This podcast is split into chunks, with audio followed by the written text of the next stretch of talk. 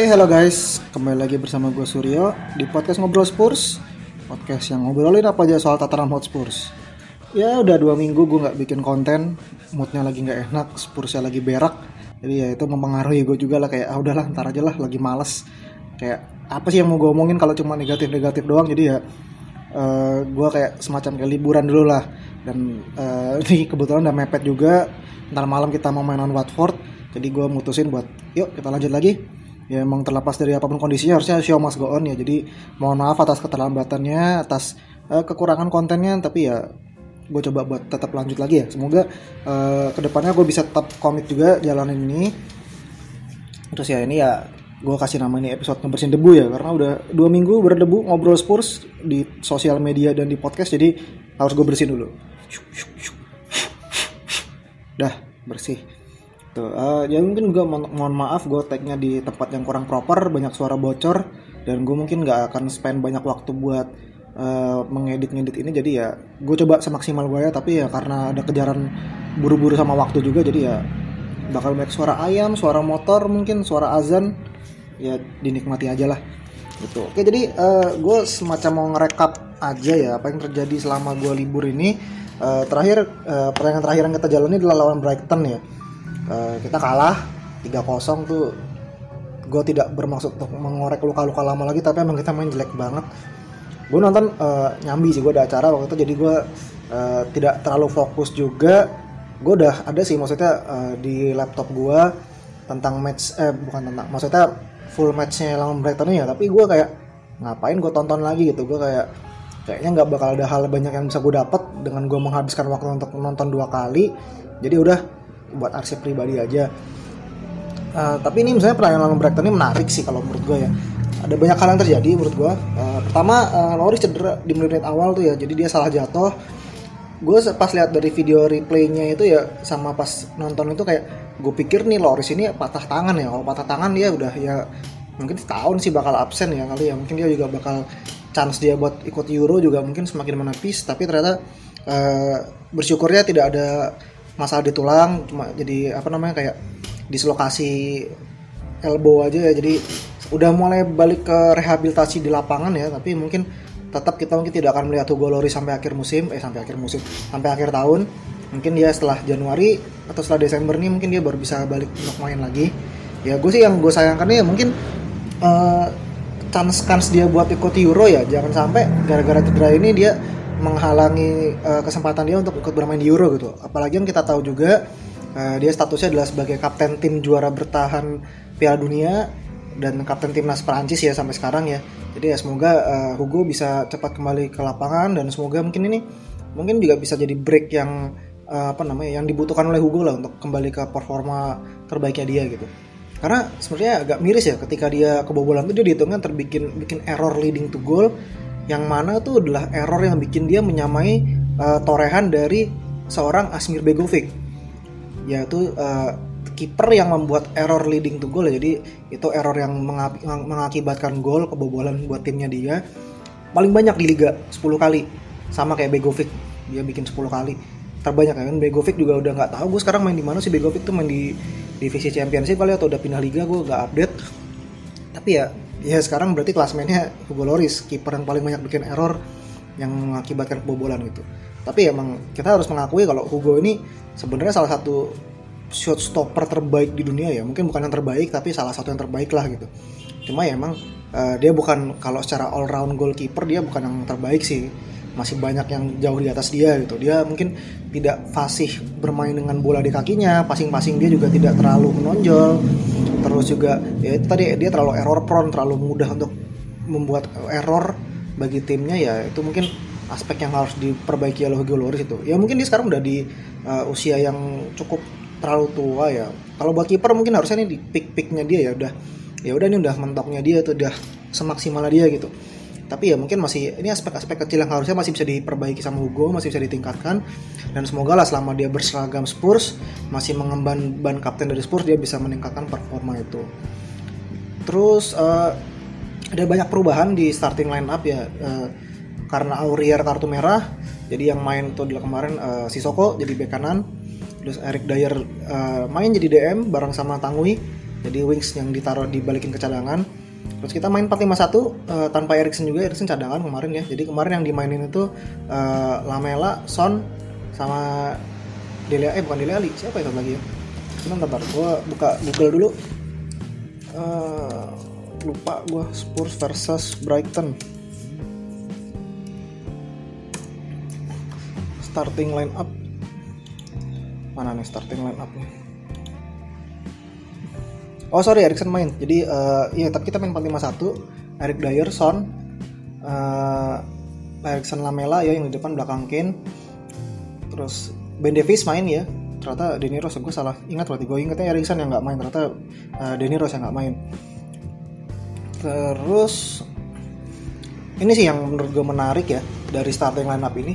Uh, ini tuh kita kan selama ini mengeluh ya. Kita nggak bisa main diamond dan akhirnya kita dituruti sama Pochettino kita main 451 kita sempat mikir kayak apa sih yang salah dari diskusi-diskusi yang beredar di sosial media oleh fans ini?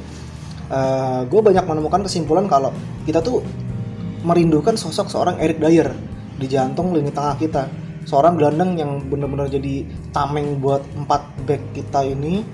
Jadi orang pertama yang memutus aliran serangan dari Brighton uh, dan juga bisa memulai serangan dari belakang tuh. Herrera juga passingnya juga oke okay, cukup oke okay. dia bisa long pass juga dia bisa menangin second ball dia punya uh, kemampuan duel-duel udara yang oke okay. dan ya sebenarnya kemarin kalau gue lihat sekilas tuh lawan Brighton tuh ya dia emang nggak apa namanya nggak bikin banyak kesalahan dia emang menawarkan kualitas itu tapi masih kurang gitu dan karena kita tahu sendiri Eric Dyer ini masih belum cukup match, match fit ya karena dia udah cukup lama absen untuk bermain di sepak bola level tertinggi ya jadi maksudnya kelihatannya kayak orang yang udah lama nggak main bola aja gitu dia kayak masih instingnya masih belum dapat lah. Mungkin ada uh, komunikasi sama rekan-rekan juga belum dapat mengambil keputusan dia juga mungkin ada yang nanggung. Semacam itulah yang gue lihat dari yang kurang dari Eric Dyer kemarin gitu. Ya dia nggak banyak bikin maksudnya emang nggak bikin banyak kesalahan-kesalahan major tapi ya yang kelihatan seperti itu gitu. Dia emang kurang match fit aja. Terus babak kedua uh, Ndombele masuk menggantikan eh digantikan oleh sama Harry Wings terus ya Lukas Moura juga gantiin Son yang yang kurang tajam juga.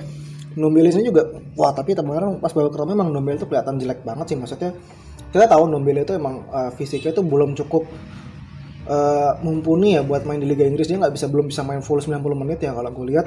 Stamina dia nggak ngangkat terus juga dia mungkin beberapa kali sering keteteran juga. Tapi emang maksudnya dia main bagus cuma emang belum belum siap aja gitu untuk uh, masih butuh waktu lah untuk bisa beradaptasi lang secara penuh dengan apa namanya demand dari seorang Pochettino di Spurs dan uh, demand fisik Liga Inggris ini. Tapi ya tadi maksudnya uh, ini jadi hal yang menarik kan kita punya kesimpulan apa namanya dari segi taktik kita udah maksudnya ini kayak nurutin fans itu loh kemarin gue mikirnya kayak kita udah nurutin, nurutin fans nih. Kita main 451 kita mainin Eric Dyer uh, Sisoko jadi back kanan Ben Davis jadi back kiri Denny Rose sudah nggak main lagi back tengahnya juga Vertonghen Alderweireld. Tapi ya tetap ternyata tidak bisa menyelesaikan permasalahan yang selama ini kita kira ya gitu. Ternyata emang mungkin masalah yang dihadapi Spurs ini sebegitu kompleksnya ya bukan cuma sekedar masalah taktik gitu nanti akan gue bahas di selanjutnya tapi itu aja yang gue sindir.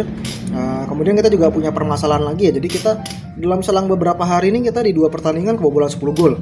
Ini catatan yang sangat jelek banget gitu. Kita tahu dulu tuh kayak kita tuh pernah dari satu era ketika satu musim ini kita kita di kebobolan cuma 20 sekian gol.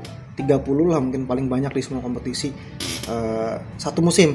Dan sekarang kita kebobolan 10 gol dalam dua pertandingan ya lawan Munchen mungkin gue sedikit oke okay ya. Maksudnya kita beda kelas kemarin kelasnya juga dibanding dengan Brighton. Tapi lawan Brighton kita kebobolan tiga nih suatu hal yang maksudnya nggak Spurs banget itu loh. Ya bukan suatu kualitas yang ditampilkan oleh tim besar gitu. Oleh tim top Liga Inggris oleh tim yang gue malas bilangnya sebenarnya sekarang finalis Liga Champion musim lalu lah. Itu gue udah nggak relate kalau gue sih ngomongnya finalis Liga Champion itu. Tapi ya faktanya seperti itu. Dan ya inilah mungkin kita selama ini mungkin gue jadi uh, muncul pemikiran baru ya. Mungkin emang Vertonghen dan Alderweireld ini udah masanya udah habis. Emang maksudnya mereka di beberapa momen secara 90 menit secara overall mereka bermain bagus uh, bermain solid dan menunjukkan kualitas kelasnya mereka.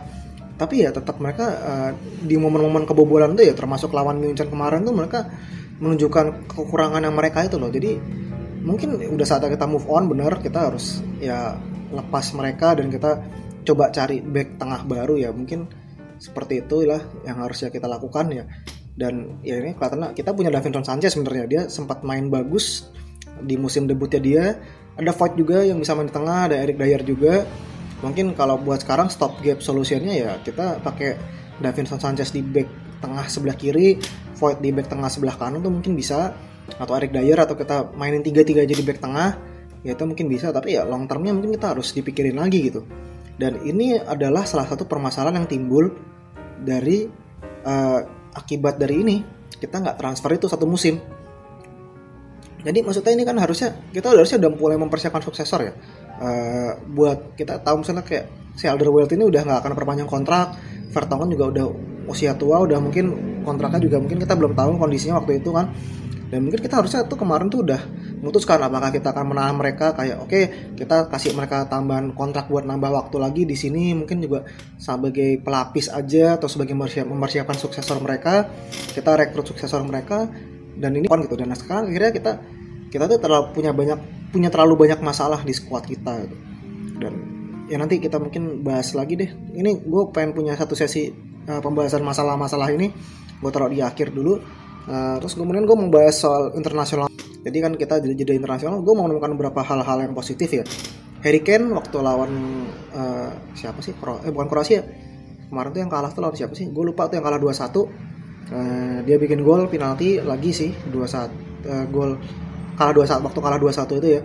Itu gol tuh bikin dia rekornya dia tuh udah nyamain Lampard kalau saya 20 sekian gol top scorer Inggris ya kalau rate-nya dia seperti ini ya gue nggak ya gue nggak kaget kalau dua atau tiga tahun lagi dia udah ngelewatin rekornya Rooney itu sebagai top scorer sepanjang masa timnas Inggris. Apalagi sekarang dia posisinya kapten hampir selalu dimainkan setiap ada kesempatan.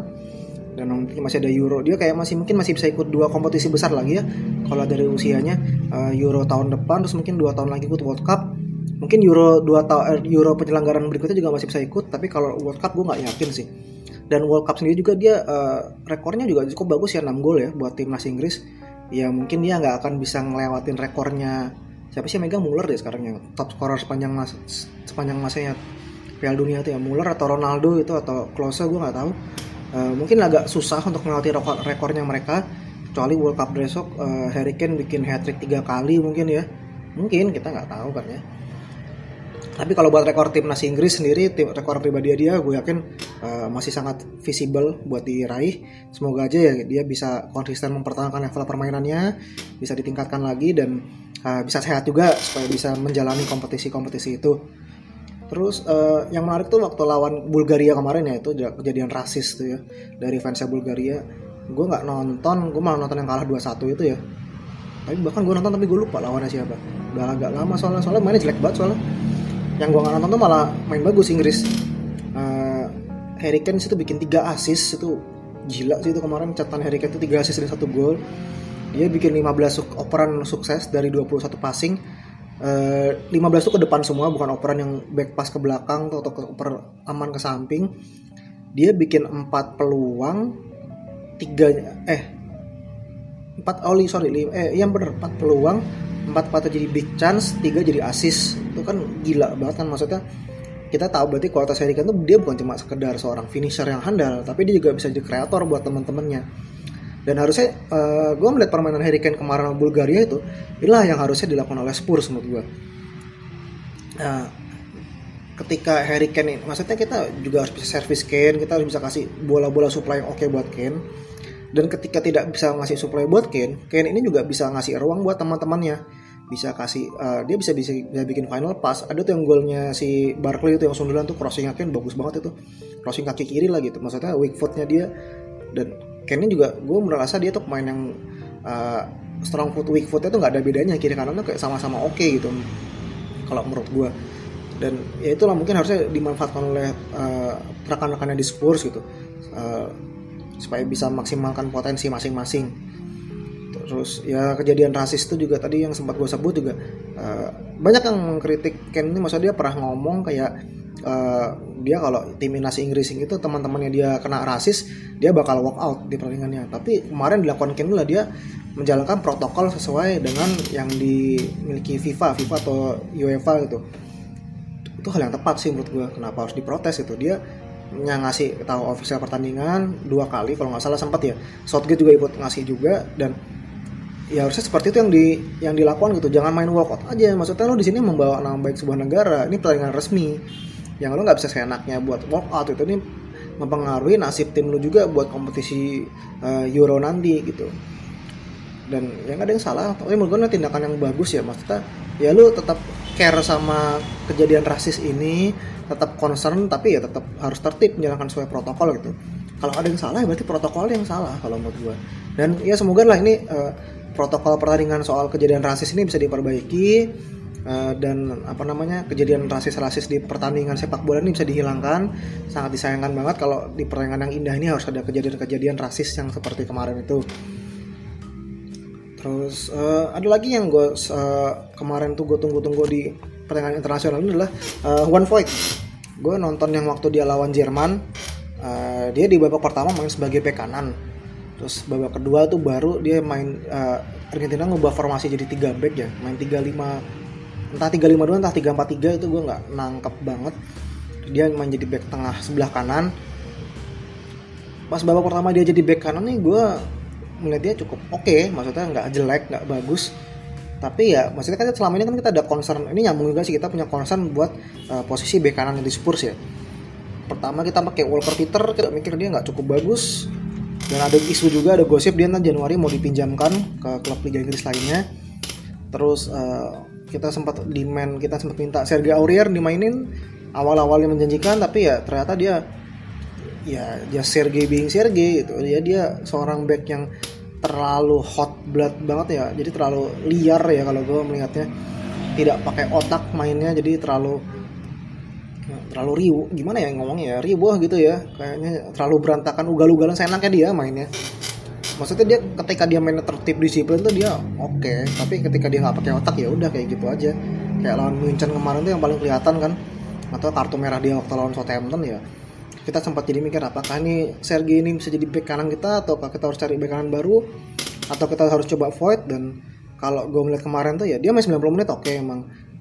Tapi gue nggak melihat dia itu sebuah solusi yang tepat buat kita di posisi bek kanan Spurs ini ya. Karena gini maksudnya dia dia tidak menawarkan sesuatu yang bagus yang maksudnya yang membedakan dia dengan uh, Walker Peter dan Aurier ini ya mungkin secara defense dia oke. Okay. Jerman kemarin tuh dia nggak banyak teruji ya. Dia kemarin tuh banyak diserang sama Julian Brand yang lagi underperform ya. Gue maksudnya tahu kualitasnya dari si Julian Brand ini ya. Dia dribbler yang cukup oke okay, punya kecepatan tapi kemarin dia nggak banyak mengeluarkan itu dikolongin sekali sih sama Void ya. Mungkin tuh mental dia agak down setelah dikolongin sama edit kayak udah suara motor males. Ya jadi gue ulang lagi kalau nggak kedengeran jadi si Julian Brand ini lagi underperform terus sempat dikolongin sama Void sekali. Ya dikolongin kalau satu dilewatin gitu. Terus uh, ya tapi itu dia agak turun aja permainannya. Jadi tidak sebagus tidak bukan tidak sebagus biasa tidak menunjukkan kualitas yang seharusnya dia punya. Gitu. tapi ya secara ofensif dia dia nggak bikin crossing sama sekali void gitu. Pas selama babak pertama main ini tidak banyak bikin tusukan-tusukan ke depan ya ya gue tidak melihat ini void sebagai apa namanya back kanannya sebagai posisinya void aja kalau gue ya. Mungkin nggak tahu kalau posisi nama pelatih timnas Argentina masih kekeh void ini jadi back kanan gue sih nggak melihat itu ya. Tapi ya nggak tahu kita lihat aja deh. Maksudnya kan ini juga bagus buat Void yang habis cedera setelah lawan uh, Munchen di Audi Cup ini ya dia uh, kembali lagi main ke lapangan bisa dapat menit dia lawan Argentina eh lawan Argentina lawan Jerman ini dia main 90 menit full. Di pertandingan selanjutnya dia main uh, 70 menit. Gue nggak nggak nonton sih itu ya nggak tahu juga pertandingan apa lawan siapa tapi yang menang 6-1 itu. Tapi ya kalau gue baca-baca reportnya ya dia ya oke okay aja nggak bagus nggak jelek ya cukup oke okay, gitu. Tidak tidak terlalu menonjol tidak bikin kesalahan banyak dan ya gue masih mikir kayak belum yakin lah kalau gue kalau uh, bek kanan adalah posisinya seorang Juan Voigt ya. Apalagi dia menjadi solusi buat Spurs di posisi bek kanan ini. Terus apa lagi ya uh, ada Son juga Son yang lawan uh, siapa namanya tuh? Lawan Sri Lanka ya? Ya Sri Lanka. Uh, bikin dua gol dua assist kalau nggak salah. Menang 8-0 tapi ya lawan Sri Lanka juga. Terus lawan Korea, Korea Utara. Uh, kosong kosong tapi gue komentarnya Son yang menarik sih. Dia bersyukur di pertandingan intensitas tinggi lawan Korea Utara dia bisa balik ke Spurs tanpa cedera. Ya dan ya gue bersyukur sih maksudnya jangan sampai lah kita ada cedera-cedera lagi gitu.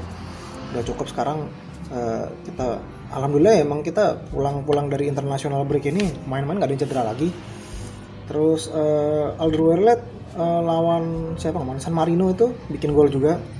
Tendangan hoki tendangan jarak jauh di flag tapi ya, ya udah lumayan lah. Maksudnya siapa tahu dia bisa mereplikasi hal yang sama gitu. di Spurs. Terus uh, Lamela surprisingly dipanggil ke timnas tapi tidak dimainkan sama sekali. Bahkan di pertandingan kedua itu dia nggak ada di bench juga loh. Sempat mikir dia cedera ternyata enggak emang mungkin uh, tactical decisionnya mungkin dia nggak suka pelatihnya Argentina yang sekarang sama Lamela. Kayak pelatih Argentina yang dulu sama Dybala gitu aja sih mungkin ya. Dan uh, siapa lagi ya? Nombele juga kayaknya nggak main kemarin ya. Si Soko yang main tuh. Di timnas Prancis ya. Ya gue sih nggak apa-apa sih. Bagus sih. Jangan dicapek-capekin aja. Biar buat main buat Spurs saya tenaganya. Itu sih beberapa hal yang menarik yang gue temukan di international break kemarin. Terus uh, selanjutnya kita bakal menghadapi Watford malam ini. Ya gue harusnya rilis ini siang. Uh, semoga keburu lawan Watford dan semoga kita bisa bounce back lah. Kita bisa apa namanya memperbaiki. Maksudnya kita bisa kembali ke jalur yang benar yang track yang tepat. Apalagi kita tahu juga Watford ini lagi formnya lagi agak ugal-ugalan juga. Di awal musim dia mainnya jelek banget sampai pelatihnya si siapa? Marco Silva, Marco Silva ya kalau nggak salah. Dia pecat ganti pelatih baru sempat uh, main bagus lawan Arsenal tapi lawan City dibantai 8-0 dan semoga ini juga maksudnya kita bisa di kondisi Watford yang juga lagi nggak bagus ini kita bisa manfaatkan itu. Habis itu lawan Red Star kita home dulu dan ini juga harus dimaksimalkan ya untuk meningkatkan kans kita buat lolos ke babak berikutnya. Karena setelah uh, seperti kita tahu ya Olympiakos ternyata kemarin kalah sama Red Star. Jadi sekarang uh, posisinya tuh kita sama Olympiakos di bawah poinnya satu Red Star poinnya tiga terus Munchen poinnya 6 sendiri. Ya ya kita harus gue expect Olympiakosnya kalah sama Munchen ya. Jadi dia poin tetap satu tetap di bawah. Kalau kita menang lawan Red Star kita naik ke peringkat dua ya dengan nilai 4 sehingga kita mengamankan bisa mengam, lebih mengamankan inilah kans kita buat uh, lolos ke babak selanjutnya gitu. Apalagi yang seperti gue bahas di episode-episode yang kemarin, kita uh, ketemu Munchen lagi tuh di match day terakhir. Yang mungkin tadinya kalau berjalan sesuai rencana adalah match yang menentukan posisi satu dua tapi ya ternyata enggak sih ya. Tapi uh, inilah untungnya mungkin kita di tiga pertandingan inilah pertandingan penentu kita buat kita lolos ke babak selanjutnya. Kalau bisa kita menang tiga tiganya ya lawan Red Star di kandang Red Star away juga agak menyeragukan tapi ya mungkin harusnya bisa winnable match lah. Terus kita menjamu Olympiakos di kandang juga ya harusnya bisa menang juga sih ya. Kalau kita tiga tiga menang tuh kita poin dapat 9 poin. Kita udah mengunci posisi dua harusnya di atas kertas dengan 10 poin. Ya udah cukup lah buat lolos aja yang ke babak knockout. Karena Liga Champions ini yang gede itu kalau lo nggak lolos babak knockout tuh duitnya sayang sih lo ikut fase grup aja tuh dapat berapa sih? 15 juta kalau nggak salah ya. Sampai knockout nambah lagi gitu. Ya kasarannya kalau kita kayak kemarin kayak sampai final itu kita dapat 60 sekian juta buat beli Numbele itu ya duit yang gede gitu.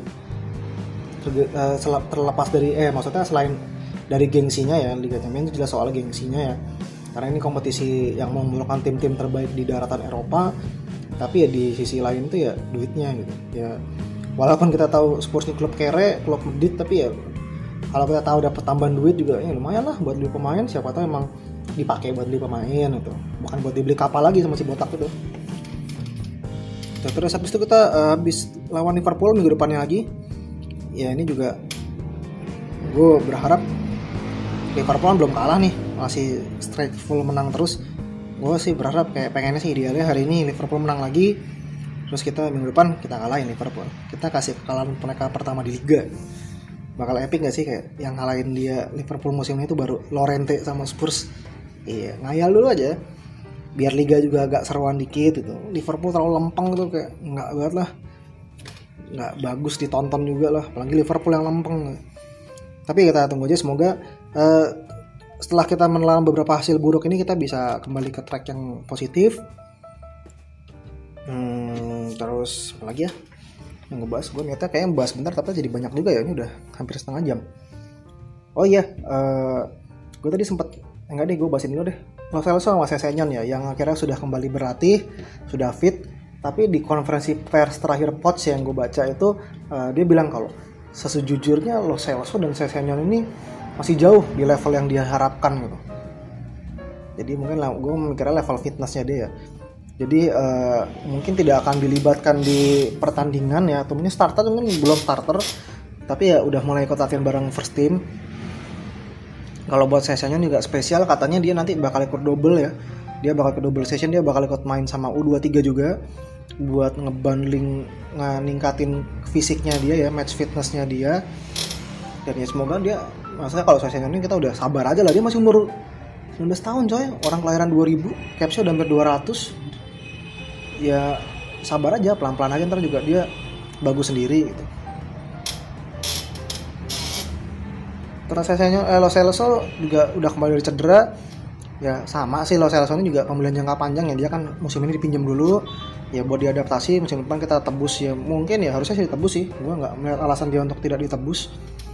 Jadi ya dua batu main ini memang harus sabar aja kalau menurut gue ada ya terus apalagi ya oh ya tapi mungkin Lo Celso ini mungkin dia bisa udah bisa ada di bench karena dia sebelumnya juga udah beberapa kali main dari bench kan ya sebagai main mengganti. Uh, dan dia juga udah ikut preseason juga walaupun sama Betis ikut main sama Argentina juga ikut latihan sama kita juga udah cukup lama. Dan ya gue harap dia harusnya levelnya di atasnya saya dikit sih. Mungkin buat main full 90 menit atau starter belum bisa tapi ya buat dilibatkan di pertandingan udah cukup. Oke. Okay. dan ya nanti gue rasa dua pemain juga cepat atau lambat juga akan dibutuhkan oleh tim gitu. Karena nanti gue udah lihat jadwal Desember kemarin eh jadwal Desember kemarin. Kemarin gue udah lihat jadwal Desember maksudnya. Padat banget kita coy. Lawannya juga berat-berat lagi Desember Januari itu. Kita kayak ketemu MU Liverpool siapa lagi tuh. Terus ya boxing di standar lah. Terus juga lawan-lawannya tricky-tricky semua yang gue lihat jadi ya mungkin di periode itu mereka bakal banyak dilibatkan ya. Dan semoga udah bisa cukup padu dan bisa menunjukkan kualitas mereka itu aja buat dua itu terus tadi gue sempat bahas sedikit ya di atas ya masalah problem kita. Uh, jadi gue setelah pertandingan lawan Brighton ini gue melihat kayak oke okay, kita dari taktik udah balik nih 451 udah nggak main diamond lagi. Oke okay nih kita udah pakai Eric Dyer lagi. Kita nggak pakai Dini Rose kita Soko bek kanan. Tapi masih bermasalah. Apa sih yang salah sebenarnya? Taktikkah? Atau mentalkah? Atau emang Pochettino yang salah kah atau pemain yang salah kah atau siapa yang salah. Dan uh, eh, gue nggak pengen ini jadi episode yang moodnya negatif yang moodnya nggak enak ya gue singkat aja. Jadi emang ini kompleks aja. Gue masih sama dengan kesimpulan gue yang kemarin-kemarin ujung-ujungnya ngomongnya gitu doang gue jadi hmm, ya ini emang maksudnya ini tuh efek domino dari kita nggak transfer musim lalu. Gue sih masih stick sama opini gue yang itu. Ya karena uh, gue kemarin baca di mana ya? Jadi Sir Alex tuh pernah ngomong lu namanya squad itu harus paling nggak tuh 4 tahun sekali tuh lu harus lu refresh. Lu harus sudah mulai bongkar pasang pemain-pemain lu maksudnya mana yang harus dibuang mana yang harus lu datangkan. Ya itu 4 tahun tuh udah batas waktu yang terlalu lama buat suatu tim tuh berada bersama-sama gitu.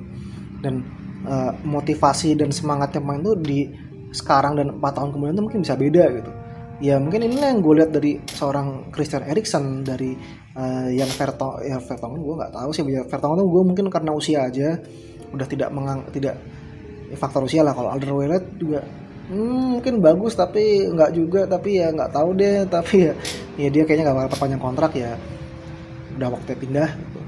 dan begitu juga pun juga beberapa pemain jadi ya ya ini ya kita jadi agak keterlambatan ya. Harusnya kita bisa merefresh nih jauh-jauh hari tapi sekarang kita jadi masih nyangkut masih stuck gini-gini aja. Tapi ya ini sih maksudnya ini realita yang mungkin kita nggak bisa dapat uh, sebelum kita jadi top tim yang beneran top tim bukan top tim bukan tim top kaget ya kayak waktu era Harry Redknapp yang kita sekali peringkat 4 habis itu kita turun-turun lagi. Sekarang ini kan konsisten di atas terus nih baru musim terakhir. Liga Champions juga oke ya kita sudah mulai menemukan realitas sebuah tim besar tuh harusnya cara menjalankan suatu top tim seperti ini gitu. Namanya squad di refresh terus ya mungkin Pochettino ini kayak karena dia basicnya kekeluargaan ya dia pengennya kayak ya udah kita bareng-bareng terus aja gitu. Gue start sama orang-orang ini gue pengen meraih sesuatu sama orang-orang ini gitu. Ya tapi nggak bisa seperti itu ternyata tim besar gitu harus ada yang dirubah harus kita harus harus berani melakukan perubahan gitu. Dan penjualan-penjualan major juga diperlukan. Gue kayak gue pernah ngomong gak sih di podcast ini gitu? Kayak gue ngambil contohnya paling gampang tuh kelihatan tuh Coutinho. Liverpool jual Coutinho 140 juta buat datengin uh, Van Dijk sama Ellison yang ternyata adalah missing piece yang mereka. Mereka bisa nge-build tim yang lebih bagus malah tanpa Coutinho gitu. Mereka bisa sampai juara Liga Champion dan sekarang mereka mendominasi liga. Baru kalah sekali di semua kompetisi sisanya menang terus seri pun juga belum pernah kan kalau nggak salah. Jadi ya harus kita belajar lah dari seperti itu. Liverpool ini menurut gue contoh paling gampang ya. Gue agak sedih ngomonginnya tapi ya emang contoh paling realistis yang bisa kita lihat adalah Liverpool. Gimana mereka dari yang era semenjana mereka yang turun mereka jadi tim mediocre mereka benar-benar pelan-pelan rebuilding tapi emang konsisten tiap tahun. Mereka datangin pemain yang kira-kira mereka bisa apa namanya meningkatkan kualitas tim. Kayak ya mungkin semenjak Klopp lah yang baru kerasa ya dia cari fondasi. Main-main mana sih yang harusnya ditahan? Main-main mana sih harusnya dibuang? Dia lakukan itu dia datang buang datang buang datang buang terus sampai dia melakukan formasi formulasi terbaiknya dia. Dan uh, apa namanya akhirnya dia bisa mendapatkan uh, komposisi tim yang terbaik yang dia inginkan. Dan ya mungkin musim ini kalau nggak bikin transfer dia juga masih berusaha mengidentifikasi kali ya mungkinnya dia masih nyaman dengan squad ini dan masih maksudnya kan musim lalu pun dia juga uh, main dengan kondisi squadnya dia tidak full benar-benar full main ya. Karena dia ditinggal Joe Gomez lama terus ditinggal Chamberlain ditinggal Nabi kita buat kembali cedera. Jadi dia belum bisa maksimalkan potensi itu. Tapi sekarang dia mungkin merasa kayak oke okay, ini main gue udah full squad semua kita coba dulu sambil dilihat musim depan mana yang harus dijual. Nah itu yang dilakukan. Mungkin dia musim depan bakal banyak transfer juga dari klub tapi karena mau jadi podcast Liverpool ya ya udah paling nggak Spurs maksud gue tuh mencontoh mencontoh seperti itulah paling gampang. Karena kita bukan tim yang bisa kayak City yang langsung beli pemain 5 biji harga 50 juta semua gitu. Nggak bisa kita kayak gitu. Udah? Uh, gitu aja sih. Uh, oh ya tambahan dikit. Uh, katanya Pochettino jobnya aman. Dari dari boardnya dari manajemennya masih oke okay, Poch lanjut. Jadi ya mungkin agenda-agenda propaganda Poch out ini sedikit diredam lah ya. Bukan karena gue uh, orang yang dari kemarin bilang back Poch ya atau Poch in tapi emang maksudnya supaya kita meredam aura-aura aura lagi suasana negatif aja lah di sosial media gitu. Januari transfer ini juga ada yang menarik dari Pochettino kemarin di press conference dia ngomong kayaknya dia nggak akan Januari transfer. Dia masih percaya sama pemainnya ini ya walaupun gue tahu sih maksudnya gue ngerti maksudnya Poch kalau Januari transfer itu emang agak tricky gitu karena salah center kayak Lukas Moura gitu. Dia datang masih harus adaptasi ulang lagi masih harus uh, jadi kayak satu step back gitulah dia. Maksudnya dia juga masuk di tengah-tengah yang di mana satu timnya udah kayak udah jalan semua gitu. Ngerti sih gue walaupun kita sebenarnya butuh tapi gue ngerti yang dimaksud coach. Tapi ya gue pribadi berharap ya kalau bisa transfer transfer sih gitu. Transfer pemain datang ya jangan cuma jual doang tuh atau minjemin pemain doang kita tahu kita punya masalah di mana mana mana mana segera kalau bisa dibereskan lebih cepat lebih cepat gitu. Karena gue udah merasa kalau kita mau emang uh, properly membangun tim dengan Pochettino ya kita harus menuruti demandnya Pochettino gitu. Jangan sampai klub ini terlalu irit gitu. Udah gitu aja sih ya. Mungkin dari gue udah lama nggak ngonten juga udah lama nggak podcast. Agak kaku agak bingung juga gue gimana mau mulai mengakhiri dan mungkin mengeditnya juga. Ya semoga dari podcast ini bisa lebih konsisten lagi. Semoga Spurs bisa main bagus terus bisa hasil positif terus biar gue semangat dong bikin konten. Kalau enggak ya kayak kemarin lagi gue tinggal dua minggu. Terus apa lagi ya? Ya udah itu aja. Uh, sekali lagi terima kasih udah ya mau dengerin. Kritik saran masukan seperti biasa sampaikan aja di sosial media kita. Ada Twitter @ngobrolspurs, Instagram juga @ngobrolspurs, YouTube gue gue lockout kemarin gue lupa passwordnya ntar deh. Kemarin gue mau upload video soalnya tapi lupa passwordnya. Ntar aja deh. Yaudah itu aja dulu. Uh, sekali lagi thanks for listening. Uh, gue Suryo gue pamit dulu. See you